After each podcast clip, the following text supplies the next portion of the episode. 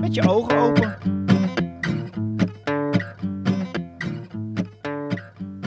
Vieskees en soepkip. Het is bijna kerstmis en buiten ligt een dik pak sneeuw. Overal hangen gezellige kerstlampjes in de bomen van de tuinen.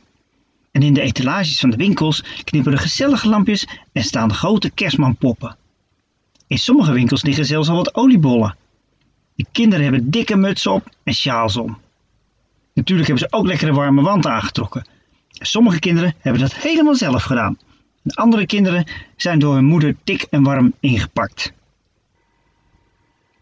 Vieskees en Soepkip zijn ook dik ingepakt. Ze hebben het lekker warm. Ik heb het bloedheet met die muts op mijn hoofd en die sjaal zegt Soepkip. Waarom heb je nou zo'n dikke muts opgezet, vraagt Vieskees. Omdat het van mijn moeder moest, zei Soepkip met een norse stem. Zouden de honden het ook zo koud hebben in de sneeuw? vraagt Vieskees zich af. Als hondjes met hun blote pootjes in de sneeuw lopen, zullen ze wel bibberen van de kou, zegt Vieskees.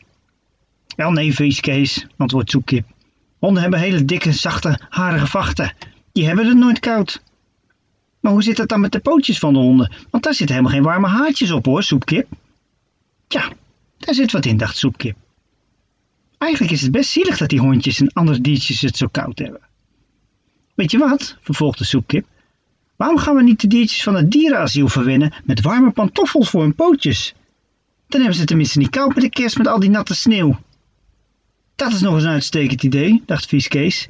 Ik weet nog wel een paar pantoffels te vinden in huis, zei Vieskees. Vieskees en Soepkip gingen naar het huis van Vieskees. Vieskees liep direct door, recht naar boven en trok uit de lade van de slaapkamer van papa en mama Vieskees twee paar pantoffels. Eén was knalroze. Wat een verschrikkelijke kleur, krijste Soepkip. Is die van je moeder? Het kan nog veel erger. Vieskees liet ook het andere paar pantoffels zien. Sterker nog, hij liet ze ruiken. Gadver. Heeft je vader in deze schoenen erwtensoep gekookt of zo? Volgens mij zit er zelfs nog een beetje soep in.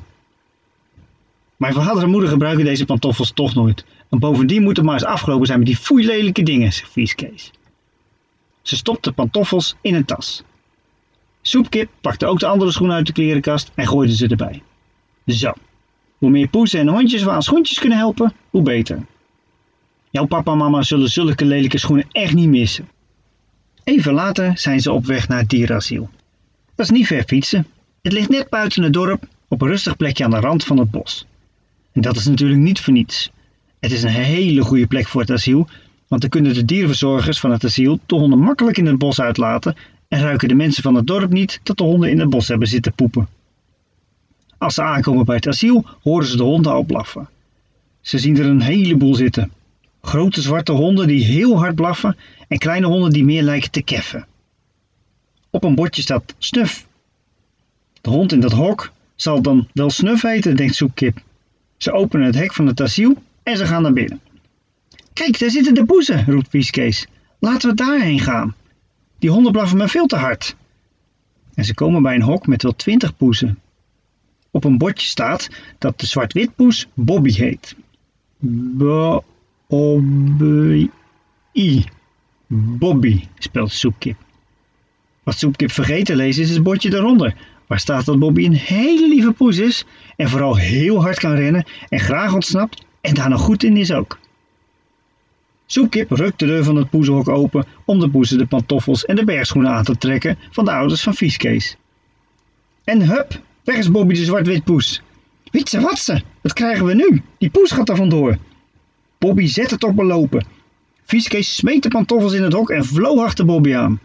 Ook Soepkip rende als een wilde brast erachteraan. En Bobby kon inderdaad heel hard rennen. Maar Soepkip en Vieskees ook.